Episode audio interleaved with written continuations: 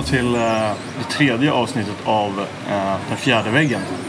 Och eh, jag som hostar heter Nor Aner och idag sitter jag här med Filip Kolianos. Hej, hej. Filip är level designer och har jobbat ett antal år inom branschen. Ehm, bland annat så, nu senast så är du level designer på Hazelight. Ja, det stämmer bra. Yes. Och, eh, men tidigare även så har du arbetat på eh, nya Mirror's Edge på DICE. Eh, du har ehm, jobbat på Syndicate och Brothers på Starbreeze. Och du har även varit ganska aktiv i mod-communityn när det gäller Source-motorn i alla fall. Jajamän. Just det. Back in the days. Precis.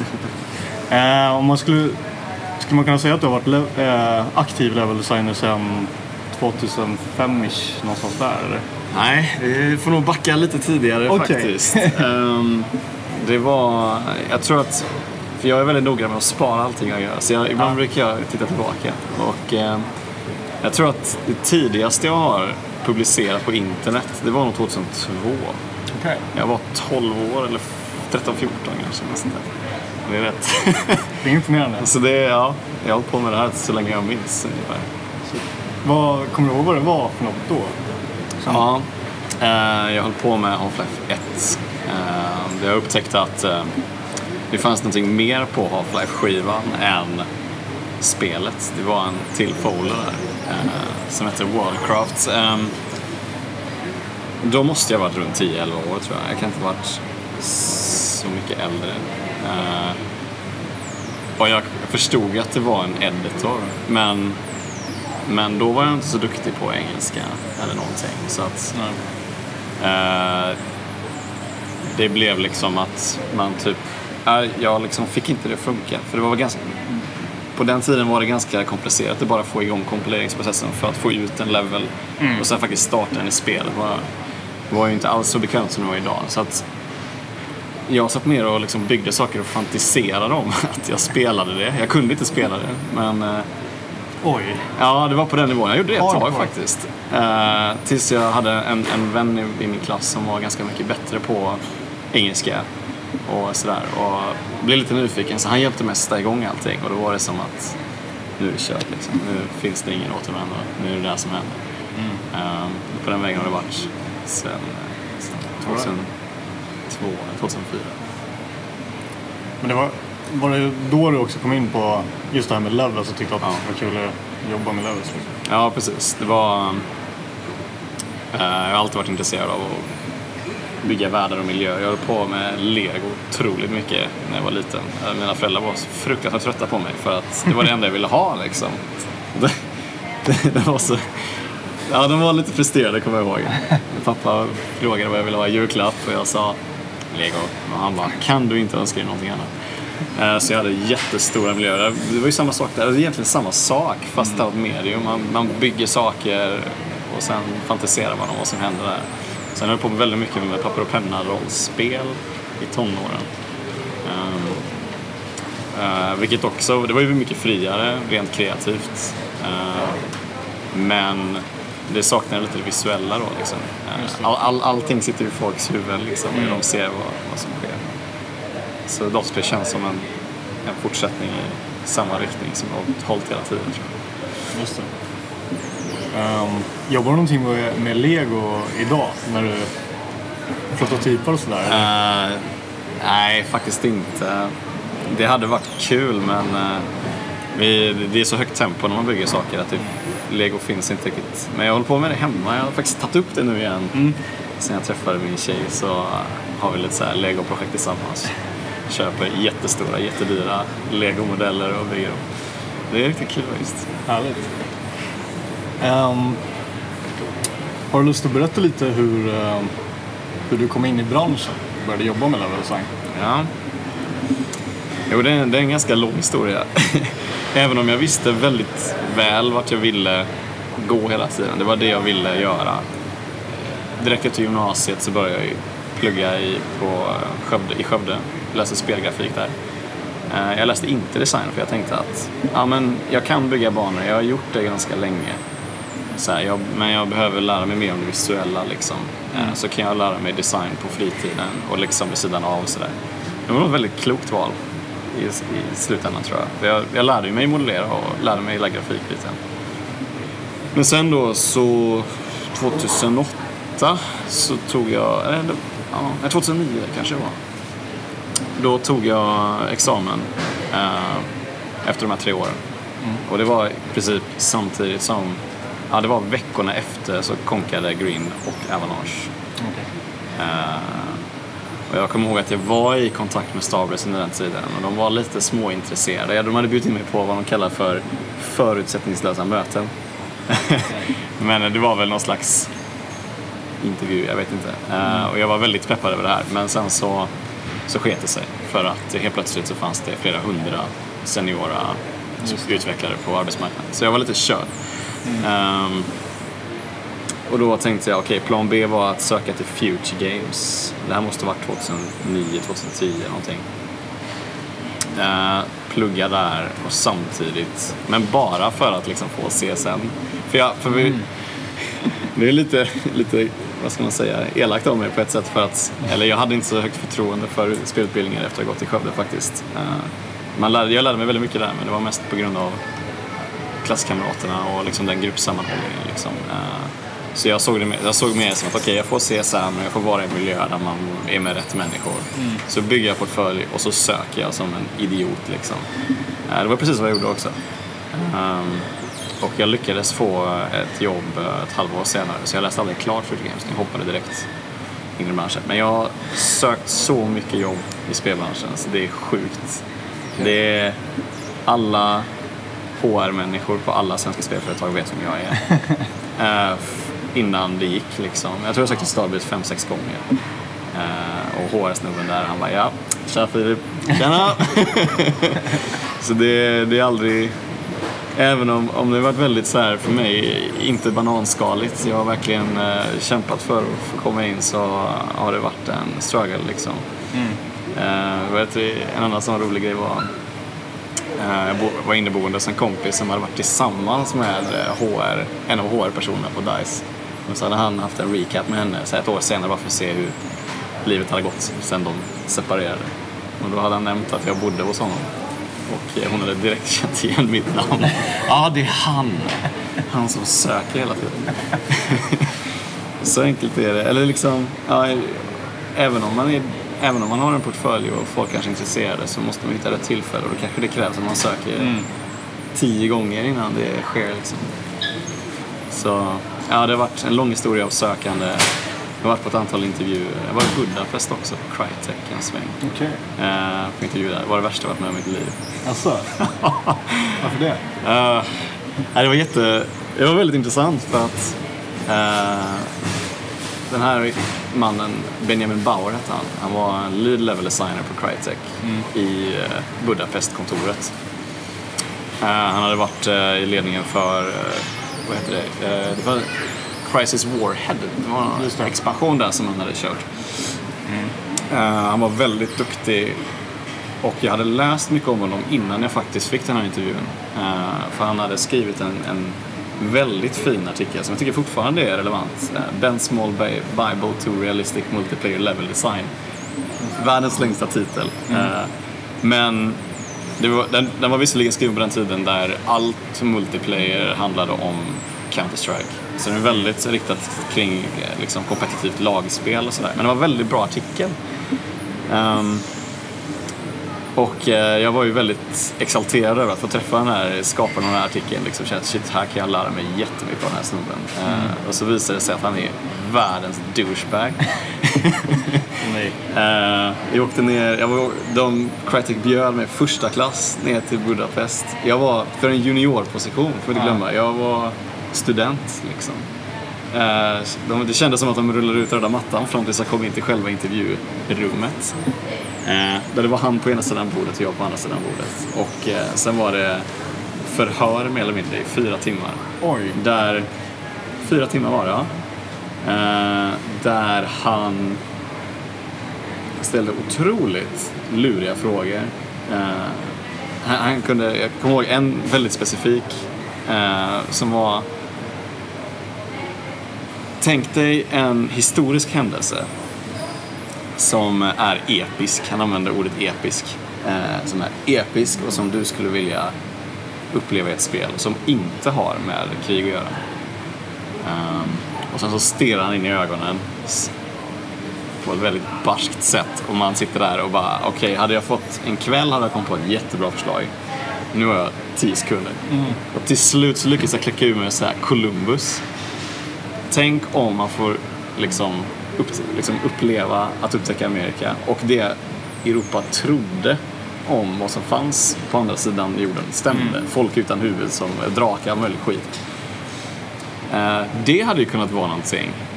Och då tyckte jag, då var jag lite nöjd.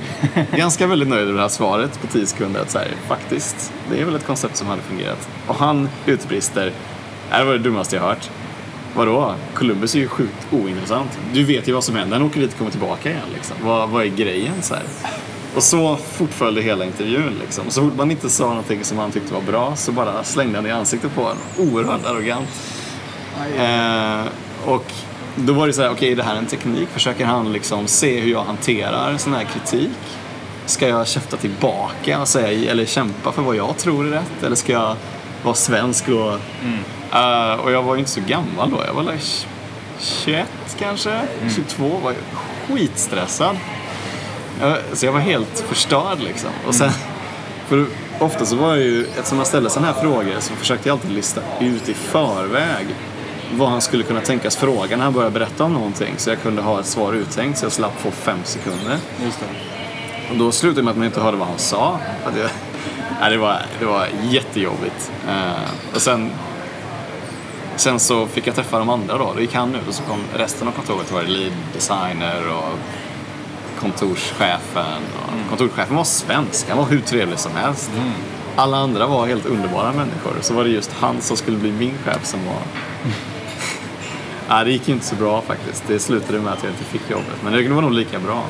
Nu, eh, spelet han jobbade på eh, då, redan då, det var eh, det här eh, Room-spelet som kom till Xbox One. Och då hade de precis kläckt den här idén. Eh, och det skulle vara första person och det skulle vara open world och fett coolt. Och jag vet inte, någonstans i mitt så här elaka sinne så var det lite nice att det inte blev så. För att det var hans baby och han var elak mot mig. så nu... Så jag kollade faktiskt upp hans LinkedIn för ett tag sedan och upptäckte att han hade slutat från Crytek innan spelet blev klart. Förmodligen av frustration. Men Ja. så jag fick min hämnd för hans hemska behandlande. Skönt. Men, det kontoret tror jag inte finns kvar nu heller. Okej. Så jag hade nog varit där i massa år och sen inte blivit någonting alls. Så vad hände istället då? Vad... Ja, nej, istället så, ehm, så blev det ju eh, Starbreeze efter mycket, mycket ansökan. Jag gjorde arbetsprov, de tyckte inte det var bra nog, sökte igen, sökte igen, sökte igen, sökte igen. Till slut så lyckades jag få en intervju där. Eh, och då var det med eh, teamet som gjorde co-op-delen till Syndicate. Det var ett ganska stort gäng. Det var fem, sex stycken och alla skulle in i mötesrummet. Och de hade en jäkligt skön vibe liksom. Eller så här, de var, det var som ett jätteskönt kompisgäng som var jävligt kreativa. Det var programmerare, och det var designers, level designers. Och, uh, och det kändes mer som att, eller det kändes som att så här, jag, jag var där i intervjun och det var mer att vi tillsammans diskuterade grejer. Liksom. Uh, jag kommer ihåg att jag höll på med någon liten modgrej vid sidan av som jag skulle ha till min portfölj som handlade om skräck. Och så, så nämnde jag det att ja, det är lite spännande för att jag är jätterädd för skräckspel. Jag har jättesvårt för det. Eh, så ska jag göra det själv liksom.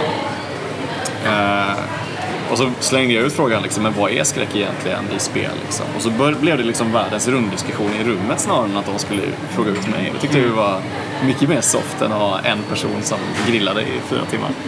Så det, det var en väldigt bra intervju, det gick jättebra. Eh, men då hamnade jag på en till intervju för de, de kände att nej, okej, Filip kanske inte passar just för just, just, just den speciella rollen de ville ha. Men de tyckte ändå att så här, ja men vad fan, han kanske behövs där istället. Så vi fick en till intervju med eh, en annan kille som var ansvarig för liksom, eh, Starbys framtida projekt. Samtidigt som Syndicate håller på att jobba på behöver de ju fixa ett nytt kontrakt.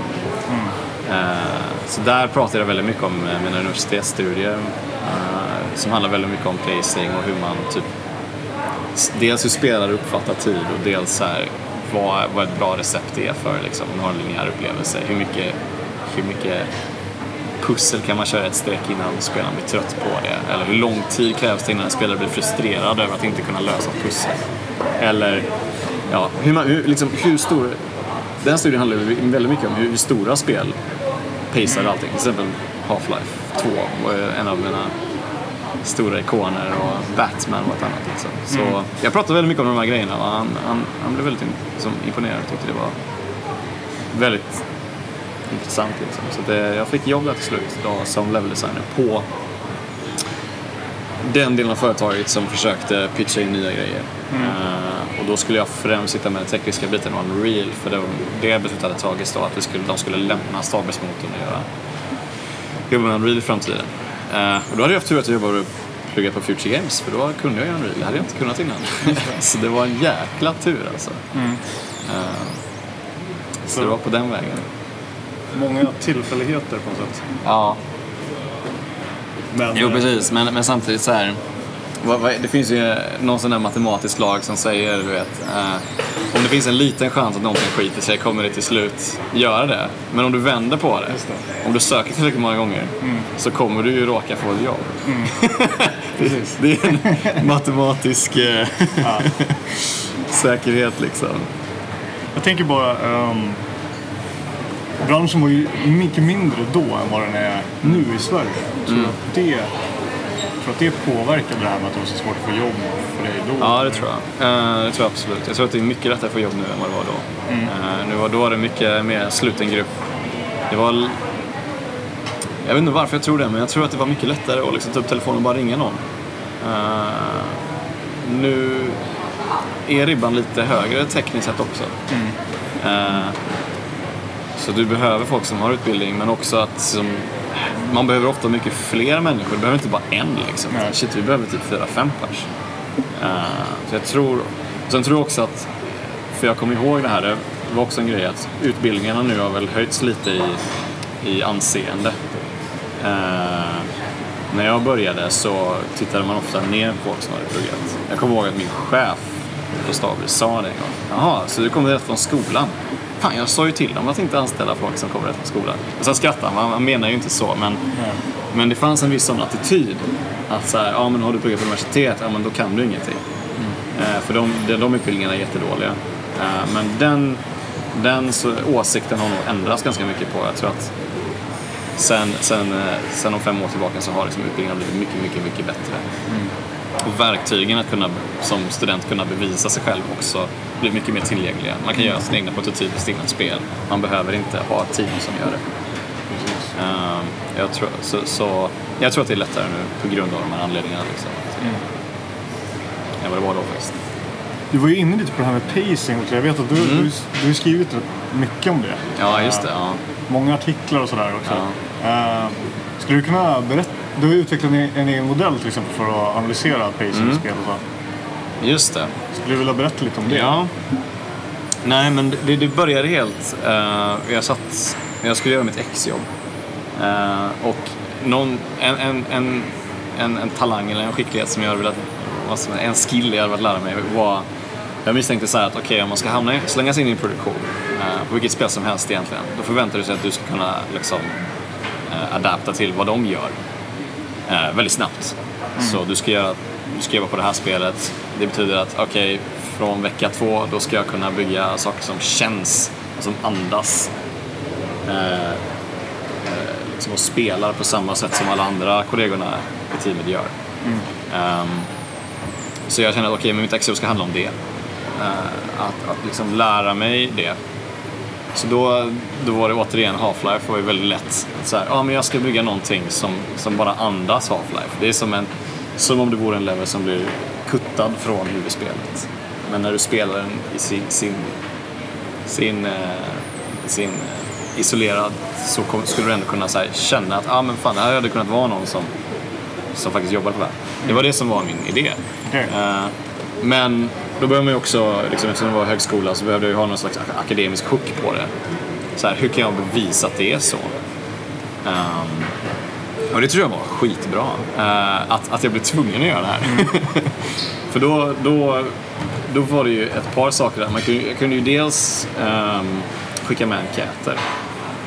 Uh, och jag kunde också, det var då jag började fundera på det här med pacing. Så här. För det var egentligen, jag kommer ihåg att jag läste i någon FZ-artikel att de skrev det, ja men, för det var precis när Half-Life 2 Episod 2 hade kommit ut, så ja men Valve är ju bäst i världen på pacing, hade de skrivit. Så hade det, den meningen så här ringt i mitt bakhuvud, så här, men hur mät, hur, hur gör man det? Liksom? Är det mätbart? Så det, metoden jag utvecklade handlar ju mest om att så här, spela igenom ett stycke, eller spela igenom ett helt spel med tidtagare. Och sen innan man har gjort det i och för sig kategoriserat liksom. Okej, vad har det här spelet för typer av gameplay? Jo, det finns eller typer av upplevelser egentligen. Det finns ju cutscenes som är en typ av upplevelse. Det var ju pussel som är en typ av upplevelse. Du kan ha, i alla fall i actionspel så är det ju väldigt mycket strö-combat. Du möter tre gubbar i en korridor. Eh, de, combat som är designad för att underhålla dig men som inte är designad för att du ska få stryk av det. Det är bara för att transportsträckor. Men sen har du den väldigt hårt designade och skriptade combaten när det är mer intensiva, spektakulära händelser. Eh, Så jag försökte liksom, för varje spel jag tittade på fick man ju ha lite olika typer av... eh, Batman har ju inte exakt samma sådana kategorier. De har ju de här gargoyle-rummen till exempel tog jag som en, en egen kategori. De har ju väldigt distinkta bossfighter som inte riktigt Valve har. Sen har ju Valve den här bilfärden då i Half-Life 2 och sånt där. Så att, ja, försöka kategorisera in det där liksom. Eh, och sen spela igenom spelet med tidtagare ur helt enkelt. Och räkna minut för minut. Och färgkoda det på en stor, stor graf helt enkelt. Så här, vad, minut 75, vad gjorde jag då? Och sen... Och den datan i sig är väl inte så intressant om man inte jämför den med andra spel eh, och tittar på dem bredvid varandra. Eh, för då börjar man se vissa mönster. Eh, så länge, ja, det viktiga är ju också att säga, okej visst jag kan ju spela själv och tidtagga mig själv men min upplevelse är väldigt skild från din. Så det är viktigt. Ska man göra det här i sitt egna syfte för sina egna skapelser då får man ju se till att ha speltestare, typ 10-15 stycken personer som så får tidtagga alla. Det var ju en del av mitt exjobb där att jag gjorde det. Men, men det sätter ju också att kolla på spel och jämföra dem med varandra. Eh, så det var en av mina artiklar handlar ju om det. Så vad skiljer ett spel som har jättehög metacritic med ett snarlikt spel som har inte alls lika hög. Och det att man faktiskt kunde se vissa mönster då. Eh, och det handlar ju väldigt mycket om så här att inte repetera sig för mycket. Får aldrig låta en eh, bossfight dra ut över åtta minuter. Det är en sån magisk regel jag har hittat. Okej. Eh, ja, de flesta spelmomenten ska man hålla i, i ett actionspel runt fem minuter. Har du, har du, du kan töja lite på det om det är jävligt nice designat. Men är det inte det ska det inte vara längre än fem Nej. minuter. Och sen så, så det viktigaste jag lärde mig där var liksom att hålla variation. Liksom. Att så här, ha inte två pussel efter varandra. Ha ett pussel på fem minuter, sen någonting annat och sen kan du ha pussel igen. Men det är en väldigt viktig komponent liksom. Eh, att variera. Så det var... Jag tänkte just den här, precis ordningen eller ehm, finns det någon så här uh, gyllene regel kring liksom just det där? Om man har pussel, eh, strö, action, momenta och bossfighter till exempel. Eller andra typer av transportsträckor också emellan. Hur, eh, ja, hur gör man för att få uh, för den bästa upplevelsen där? hur lägger man upp Det, det är väldigt svårt. Alltså jag tror att så här, eh, det viktigaste är att jag inte ger ett generellt svar på den frågan. för det, det är i alla fall för att, så här, man ska absolut inte stirra sig blind på den datan heller. För att det finns ju så väldigt mycket mer. Jag menar, ett pussel kan ju vara asdåligt så jag blir uttråkad efter två sekunder. Liksom. Eh, Så man får ju tänka på kvaliteten, man får tänka på så här, är det, hur intensivt är spelet just då, alltså rent stressmässigt. För det, det är också en helt annan skala. Eh, jag kan göra ett stressat pussel och på den charten existerar inte den informationen. Liksom. Eh, så att jag tror det viktigaste är att man bara ser till att inte du gör samma sak hela tiden. Eh, I, I liksom ett linjärt actionspel. Eh, jag menar, och då kan ju, så, så tänker man, okej men Portal då, det är ju bara pussel, hur fan funkar det? Jo, liksom, det de förmodligen gör, eh, nu har inte jag mätt det här själv, men jag kan anta att varje pussel i sig använder olika mekaniker. Så du gör inte samma lösning eller samma typ av du använder inte samma mekanik så här, fem gånger i rad för att liksom, klara varje pussel. Det är så de varierar sin upplevelse. Liksom. Eh, men det viktigaste är bara att se till att inte ha för långa segment av X, vad det nu än är. Om det är en cutscene, blir den för långdragen om den drar över? Eh, Men det är bara i väldiga specialfall man kan ha någonting som, säg en bossfight som är över 10 minuter. För det, och då trillar vi lite så här naturligt in på hur spelare upplever tid. Åtta minuter eller fem minuter låter ju inte så mycket. Men jag gjorde också lite experiment för jag blev nyfiken på det här. För jag hade ju väldigt många speltestare som körde igenom mitt projekt då för att se. Och då inser man att spelare upplever tid på ett helt annat sätt än vad du gör. Eh, när de är inne i världen så är det som att de upplever allting i slow motion. 20 sekunder upplever de oerhört länge. Som en oerhört lång uttråkande tid om det inte händer någonting. Det är lite som att sitta och vänta på bussen. 30 sekunder kan vara väldigt jobbigt. Eh, Den är väldigt så här fluktuerande liksom. Har de kul så Ja, då, då tror de att de har spelat i fem minuter och så spelat i 15. Liksom. Så det är väldigt så här. Men det är också väldigt person till person. Vissa är jätteduktiga på det och vissa har inte någon blekaste aning om tid. Nej. Men det är väldigt intressant. Eh, faktiskt. Har du, har du kommit in någonting på det här med flow och liksom den? Vad, vad är din definition av flow? Eh, nej, men det är väl, ja. Att, att hamna i flow, jag tänker inom spel. Det är väl att hamna i just det här som du säger. Att, att man känner att tiden bara försvinner. Liksom. Ah, okej. Man känner att man har flyt. Mm. Ja. Mirror's Edge kanske är ett bra exempel där man liksom, när man får till kombos så det bara känns som att det flyter på. Liksom. Jag var lite inne på det eh, ett tag. Ehm, för jag tror att så här, det, det som stör flowet är ju egentligen saker som rycker i ur spelupplevelsen. Eh, en sån typisk sak är väl egentligen att så här, uh, något oväntat händer så du dör till exempel. Och sen kommer loadingskärmen och så rasslar den och sen är du inne igen. Om inte den är instant så kommer du tappa ditt flow. Ehm, Också en sån sak som du fastnar på ställe och dör och dör och dör och dör och dör. Och även om det är liksom jättesnabb mm. checkpoint restart du ur det liksom. Eh, jag var lite inne på det där för att jag hade väl en teori om att, så här, att skräddarsy svårighetsgrader var någonting som kan vara bra för att se till att flowet liksom blir rätt. Eh, För jag tror det är den viktigaste grejen. Just när spelaren förlorar eller hamnar i en punkt där de inte vet vad de ska göra. Det är de två farligaste flowbreakersna som finns. Eh, och hur... Jag var ju lite inne då på saker som eh, kanske inte alla gamers uppskattar, men, men som handlar om att skräddarsy upplevelsen för dig. Uh, uh, nu finns det ju faktiskt spel som gör det här, men de, de säger inte det öppet för de är rädda för att få kritik. Men det handlar om att så här, du kör ett fighting-spel till exempel. uh, och det spelet låter dig vinna lite grann.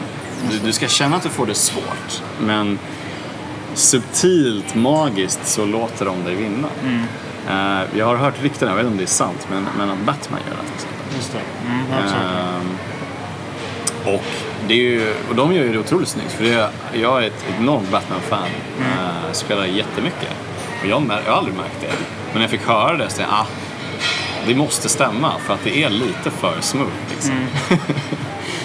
Ehm, Men det, det som, som jag har hört är att de, alltså dör du så blir det lättare andra gången så att säga. Det blir väldigt mycket lättare i, i samma Ah, fall. okej. Eh, ja, okej. och att det där är typ, ja, de har, de har något system för Mm. det som, lite så, så att du inte känner att du, alltså att du kä- känner dig liksom väldigt kraftfull som Batman Mm. liksom hela tiden. Så att, ja, det, jag vet inte om det stämmer, men det var det jag hörde. Mm. Att det funkar okej. ungefär på det sättet. Ja, okej. Ja, det är ju... Det, var, ju- det är ju det är ju enkelt sätt att göra det på. Jag kommer ihåg att jag spelade Stranglehold, det var här actionspel där Ja. de gör ju det på det vidrigaste sättet. Om där ska vi snacka flowbreaker. Så okej, du spelar, du dör, så vänder de om igen, så spelar du, du dör på samma ställe igen. Och sen kommer du på en skärm och säger hej, seems like you have a problem finishing this level. Would you like us to turn down the difficulty? Eh, det är ju liksom det vidrigaste man kan göra. På, Eh, på vilket sätt tycker du att det är?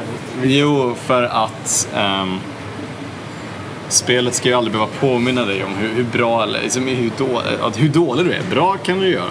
Det, Ja. Spel uppskattar ju alltid liksom, om du är duktig, men, men tvärtom tror jag är väldigt så här, nästan lite integritets... Så här, jaha, vad fan tror du det är liksom? Eh, det är klart att alla tolkar det olika, men Ja. Men eh, om, om spelet, eh, jag tror på det att om spelet är, om, om det gör det på ett subtilt sätt och smoothar ut den utmaningen för mig så, så kommer jag må bättre av det än att eh, Men det är ju väldigt olika, vissa spelare hatar ju sånt där. De är ju otroligt känsliga för, för det. Eh, men samtidigt så här, det tror jag ju, jag tror att spelar de sådana upplevelser som de inte vet att det är så, att den sänker svårighetsgraden, kommer de ändå njuta av det. Om inte mer än vad de skulle gjort annars. Alltså. Det, det, det tror jag också. Men eh, skulle de få reda på det så Ja, det är det som är... Ja. då blir det jobbigt. Men det är därför jag tycker Batman gjort det så snyggt. De har aldrig varit ute och sagt det officiellt och bla bla bla. Och de har sitt spel, de har fått så otroligt mycket positiv kritik. Eh, och det funkar, alla njuter. Och det är ändå väldigt tekniskt och väldigt så här, du kan, du kan bli riktigt duktig på att spela. Eh, men mekanikerna finns där. Och, och smoothar ut eh, the bumps liksom. Men ja, det, jag, för, för mig, hade, är det så att sänker svårighetsgraden så är det ett praktexempel på hur man ska göra. För då har de ju blåst folk. Ja, på ett snyggt sätt. ja, verkligen. Skulle du kunna berätta lite allmänt om hur det är att jobba på, alltså, i branschen som level designer och kanske lite svårigheter och eh, så med det? Ja, det är ganska... Som level designer är det lite lurigt eh, för att det är så olika beroende på vart du jobbar. Vad, vad innebär level designer på DICE? Vad innebär level designer på Hazelight? Vad innebär level designer på Starbreeze? Det är, det är olika... Det har varit olika saker på olika ställen. På, på Starbreeze, nu är ju, får man ju tänka på att det här är Starbreeze som inte finns längre. Nya Starbreeze jobbar på ett helt annat sätt. Det är ju Overkill-gänget nu. Men gamla Starbreeze som jobbade med gamla Starbreeze-motorn, då var i princip level designen väldigt mycket mer grafikorienterad. Sen hade de skriptare som mer eller mindre var personerna som klickade ut fienderna. Om jag ska vara blunt. eller liksom, ja, men det var lite sådär att eh, skriptarna skriptade, level designerna byggde levlarna och så. Visst, det är klart att det var samarbete däremellan, men, men det var två helt olika saker. Ehm, Eh, och där byggde man väldigt, alltså, otroligt mycket geometri i level editorn. Det var inte så att man gick till en modellerare och bad om någonting, utan du byggde det själv. Liksom. Det var ju såhär, okej, stolar kanske, men motorn var byggd på sånt sätt att du skulle bygga allting Okej. i editorn. Eh, på DICE, där var det också olika per projekt. Uh, Mirror's Edge var en level designer väldigt så, i min mening, lite liksom old school på ett bra sätt. Eh, I mitt, I mitt huvud, en old school level designer måste vara duktig på att alltså, implementera scripting, designa levlarna, bygger dem upp till en viss nivå och sen med hjälp av en grafiker får man upp den till liksom, den högsta nivån. då. Ehm, Och så level art är ändå liksom en del i det också så att säga. Ja, precis. Eh, på, på Mirror's Edge då så var det så. Eh, så. Och det funkar jäkligt bra. För att eh, då blir det inte den här liksom... Man jobbade som sida vid sida med grafiker och byggde någonting. Och kommunikationen var skön liksom. Och det var ändå så att leveldesignen ägde ju fortfarande både design och utformningen till viss del liksom. Så fick man ju eh, komma överens med grafiken och så vidare. Men, men liksom att, det är, att man i alla fall åtminstone inte separerar scriptingen helt från, helt från uh, byggandet av miljön tror jag är väldigt, väldigt viktigt. Liksom. Eh, sådär. Men det är lite olika liksom. Och på vissa ställen eh, har jag hört historier som att okej, okay, level designerna är de som bara blockar ut första blocken och grejerna och sen så kommer grafiker och bara vad fan är det här? Så det är lite allting och blir bra från början. Liksom. Det är så här, för vissa studios, studios är ju otroligt grafikcentrerade. Så här, det här ska se autentiskt ut. Då finns det inte så... Ja, då blir ju level designer reducerat till att implementera triggrar och cutscenes och sånt för att det finns inget utrymme för någonting annat. Eh, Men det är lite... Det är olika per projekt och olika per studio. Varje studio har lite olika kulturer. Liksom. Jag tänkte det sista exemplet som du tog upp där, bara med när, eh, ja, när en grafiker gjorde hela leveln så att säga nästan. Du, tror du att det påverkar gameplayet i, de- i de fallen? Ja, det tror jag. Eh, det tror jag definitivt. Eh, fast det beror på, för det finns, jag tror att så här, i de exempel som jag känner till så, jag vill inte säga det här nu, eller prata om vilka projekt det är. Så här. Men, men, men eh, du, du kan ju ha ett väldigt starkt core gameplay. Låt säga, vi kan ta Unreal Tournament till exempel. Eh, Där har du killbox-levlar. Det är bara en, ett plan med en pelare i mitten och sen spånpunkter på varsin sida av det här fyrkantiga rummet. Folk har fett kul ändå. Eh, Det finns ingen level design där, men folk har roligt för att core gameplayet är så starkt. Ehm, Så det finns definitivt spel där du kan göra så och det fungerar. Men jag tror inte det fungerar lika bra som om man hade utnyttjat level designen och faktiskt använt den för att förhöja core-mekanikerna så att spelarna får utnyttja mekanikerna i spelet. Ehm, så att det, det är en balans liksom. Du kan ju göra ett spel som har ett starkt core-gameplay och sen inte ha en designer med i utformandet av miljöerna och faktiskt få det att bli okej. Det, det, är- men då, då hänger ju allting på core-mekanikerna. Men det hade, jag är ju en starka tron om att så här, mitt yrke faktiskt behövs. så jag tror ju faktiskt att man Eh, det blir roligare och bättre om, om man liksom har såklart designtänk i, i processen också. Men eh, nu på, på Hazelight, jag förstår Mm. att du inte får in på detaljer och sådär, men, men jag tänker där, du, nu är du lead level designer där, va? Ja, precis. Så det är, hur, hur, hur är det då? Vad, då har du mycket att säga till om ändå när det gäller level design tror jag. Ja, jo precis. Nej men eh, processen där är, vi, vi är inte så stora än, vi är ganska flytande eh, med rollerna och sådär. Eh, men, men, men i mångt och mycket så är ju vi level designers, nu är vi ju två stycken men vi kommer ju in fler. Men, men då, då är det ju vi som blockar ut miljöerna.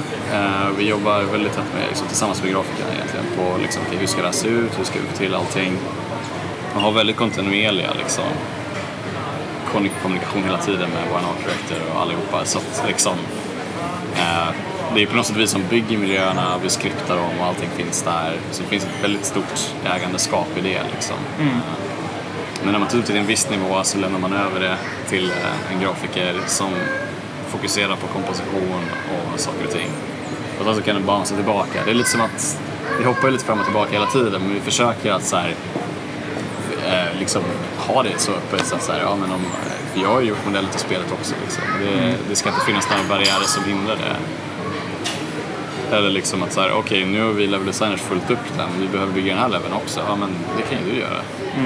Eh, och sen så får man liksom bara se till att ha en öppen dialog. Liksom. Så, så. Men man får iterera lite på saker hela tiden då. Ja, precis. Nej, men det är väldigt så här, det, det är ju rätt skönt med Unreal liksom, som vi jobbar med. Att vi kan, det är ganska lätt att jobba väldigt många parallellt på samma bana. Liksom, så det funkar ganska bra. Så här, att, att vara väldigt otroligt kollaborativa. Så det, vi försöker, som säga, försöker hålla det lite old school och säga så här att nej men Eh, Det är viktigt att så här, level design inte bara blir att stoppa in scripting och sånt där. Det är vad jag försöker liksom trycka på. För det, då blir, det blir, kommer inte bli bra. Liksom. Det kommer sluta med att så här, om, även om, om core gameplayet är så fantastiskt att spelet kommer bli det bästa i världen så kommer det sluta med att så här, vi sitter där och har liksom, eh, kuttat oss i handlederna för att vi bara stoppar in cutscenes. Liksom. Just när det gäller det, vad, som, för att bli en duktig level designer, vad behöver du behärska bra? Alltså mitt mål är ju att kunna allt, eller vad säga. Nej men, eh, nej, men det, de viktigaste två bitarna är ju egentligen att du, man måste ha väldigt... Jag tror i alla fall att du måste ha en ganska hög förståelse för det visuella och komposition och sånt. Även om det inte nödvändigtvis är exakt vad du kommer göra. Beroende på projekt så är det ändå i slutändan så är det lite det som avgör om liksom grafiken du jobbar med kan ta det vidare. Eh, Eller är tvungen att trycka nödbromsen. Liksom. Eh, Så den aspekten är väldigt viktig. Även om bara en sån sak som att ha det i bakhuvudet, kunna sätta upp scenen för en väldigt visuell upplevelse. Så, eh, eftersom det är så tudelat. Liksom. Har du inte det visuella så kommer det inte sälja idag. Liksom. Eh, Även ett väldigt utblockat simpelt spel kräver en, en bra komposition. Liksom. Eh, så den, den måste finnas där. Eh, och, och det är ganska mycket träning. Liksom för mig har det alltid varit en jättestruggle. Det är den svåraste biten för mig. För det ska gå hand i hand med att det ska vara bra pace, att det ska vara kul. Man ska sätta upp alla, man ska liksom ta in alla faktorer. Ja, vi ska bygga den här delen i spelet där vi har de här tre überkritiska cutscenesen som förmedlar de här grejerna. Och det är redan bestämt. Den den ena ska vara en skyskrapa på ett kontor, den andra ska hända där, den andra ska hända där. Och få länka ihop alla de kritiska bitarna. Eh, samtidigt som att du ska ha en bra pacing. Så okej, okay, okay, det ska vara cutscenes där och där och där. Ja. Då behöver vi ha gameplay här, pussel där, arena fight där. Och liksom sköta kommunikationen eh, liksom se till så att det händer. Och se till att alla är med på det här spåret. För ofta involverar du ganska mycket andra människor också. Eh, så att alla är okej med det och tycker det är en bra idé. Och sen när det oundvikliga händer, när folk börjar säga nej men ska vi inte göra så här istället? Eh, att försöka stick to your guns. Inte tjata emot för sakens skull, men att komma ihåg varför man valde att göra någonting från första början. Just det. Eh, för jag har väldigt lätt för att så här, lyssna på andra människor eh, och sen glömma av varför jag tänkte, varför jag gjorde som jag gjorde från början. Eh, och då blir det lätt convoluted. För börjar man ge efter på ett ställe, då kommer ställe nummer två inte make a sense i förhållande till ställe nummer ett. Liksom. Just Så det, hela den biten, så man måste ha ganska bra koll på helhet och liksom länka ihop olika events och pacing. Och ställa att varje sånt litet moment, varje pusselmoment ska vara roligt. Så det är ju ren game, game design egentligen. Eh, och se det ifrån helheten, hela spelet. Så här, okej, vilka mekanik kan jag använda nu? Ehm, eller finns det någon mekanik jag kan få en kod eller att lätt få in här? Eh, för det hade gjort det här pusslet bättre.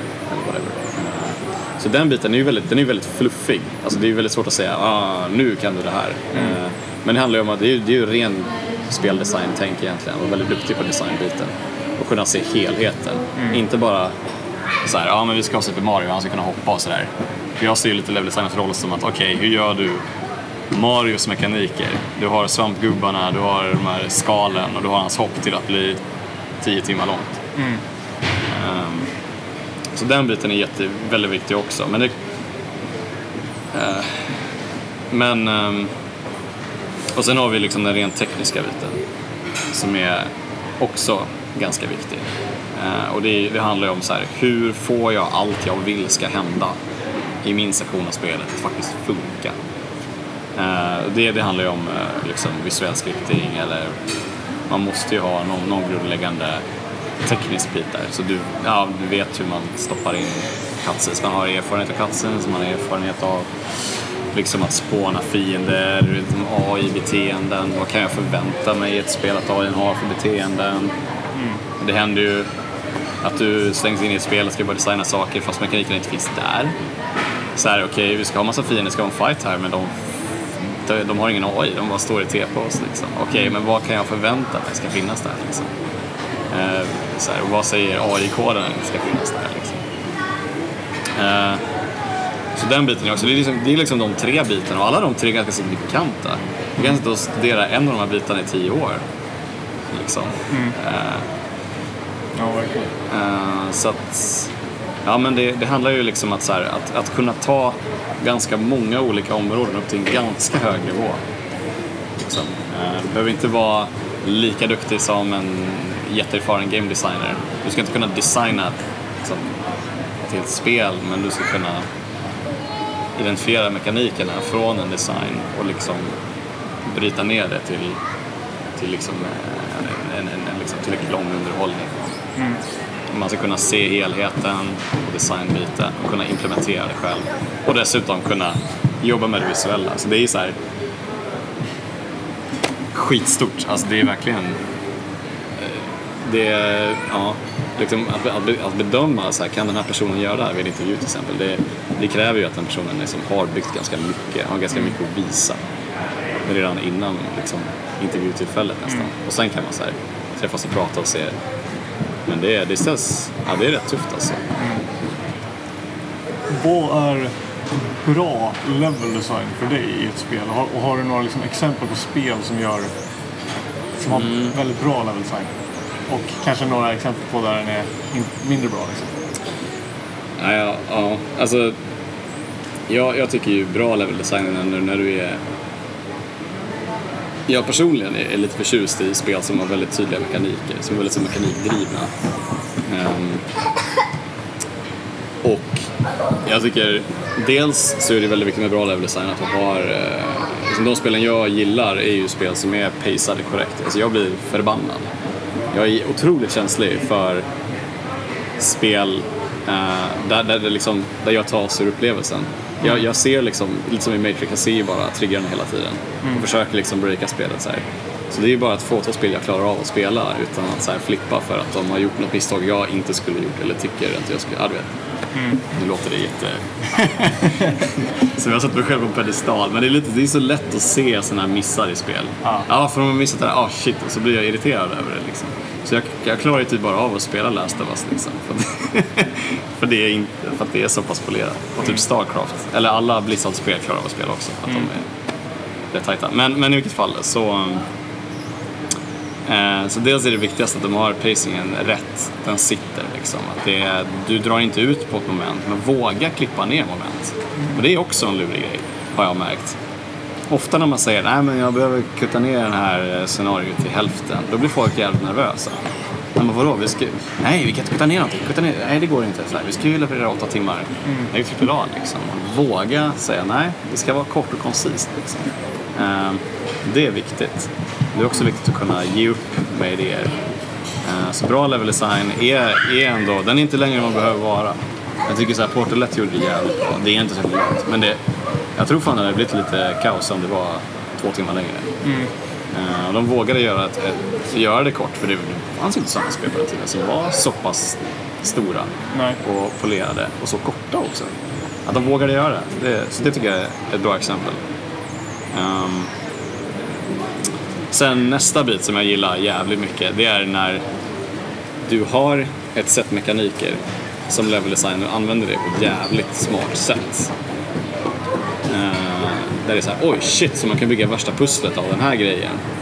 Utan att så här övertala en kodare om att eh, behöva implementera någon ny mekanik och så. här.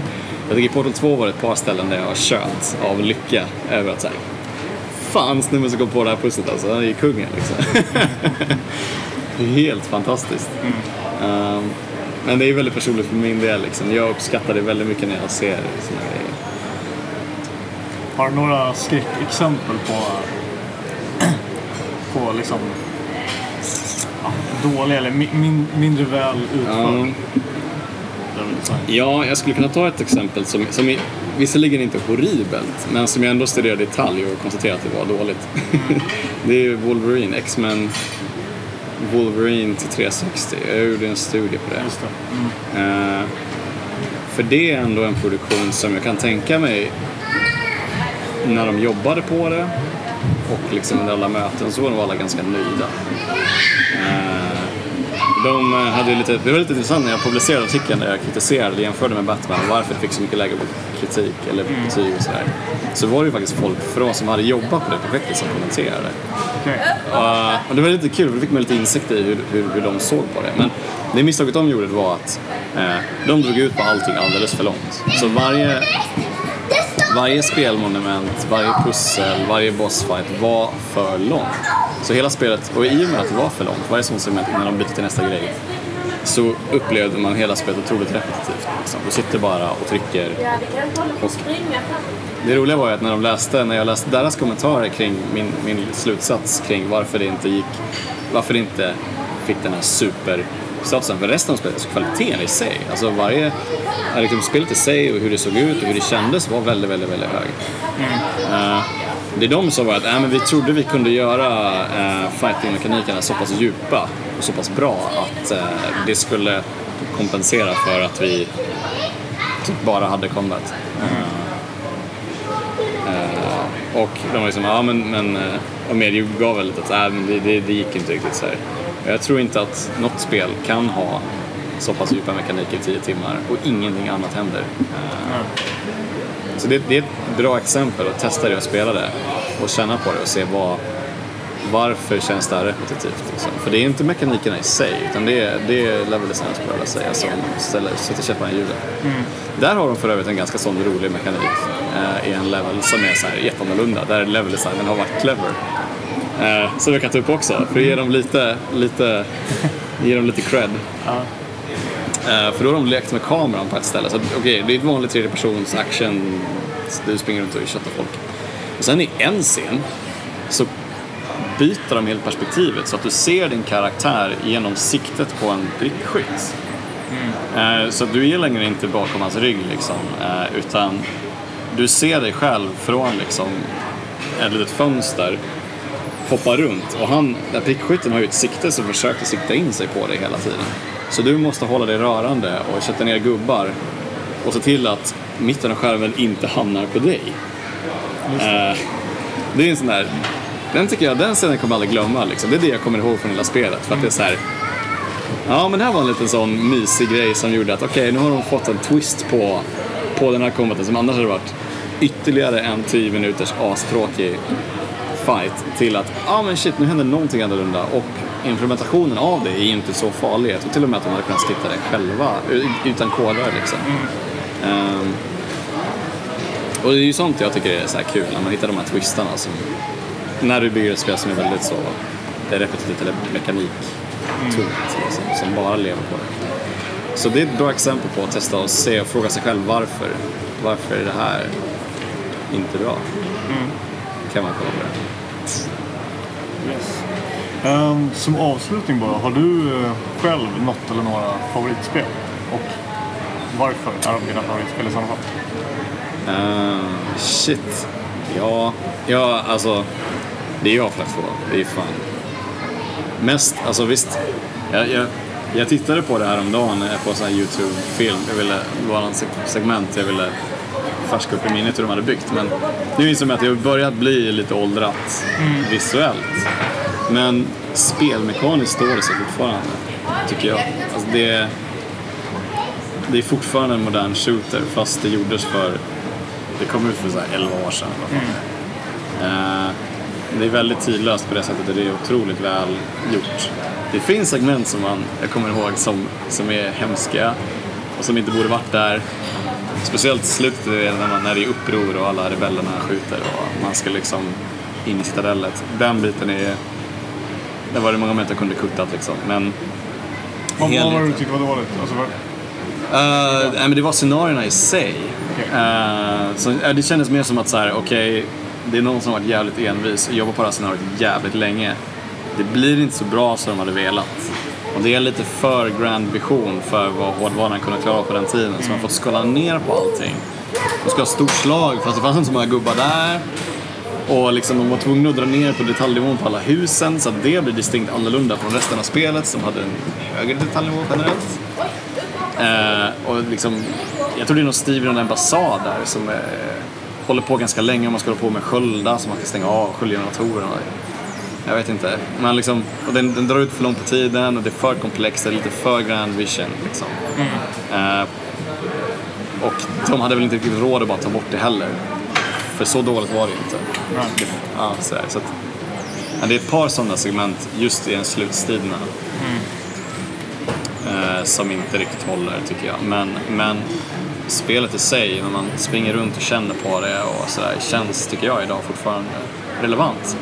Och det kan man ju inte säga om så många spel egentligen, att det funkar.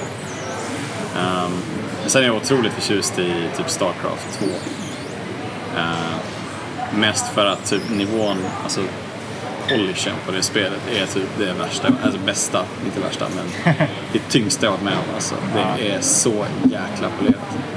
Single player gillar jag inte så mycket, men just multiplayer, bara spela det och Ja, det, det, där kan jag liksom bara stänga av här, så här spelutvecklar grejer och bara njuta av upplevelsen liksom. För det är så himla bra gjort. Det finns inga glitchar någonstans. Ja, de, de jobbar ju rätt länge på sina titlar också. Så. Ja, absolut, absolut. All right, men jag får tacka så jättemycket för att du ville ställa upp. Ja, tack, tack. Det var jättetrevligt. Ja, kul att ha dig här. Eh, det var så Filip Kolianos. Jajamän.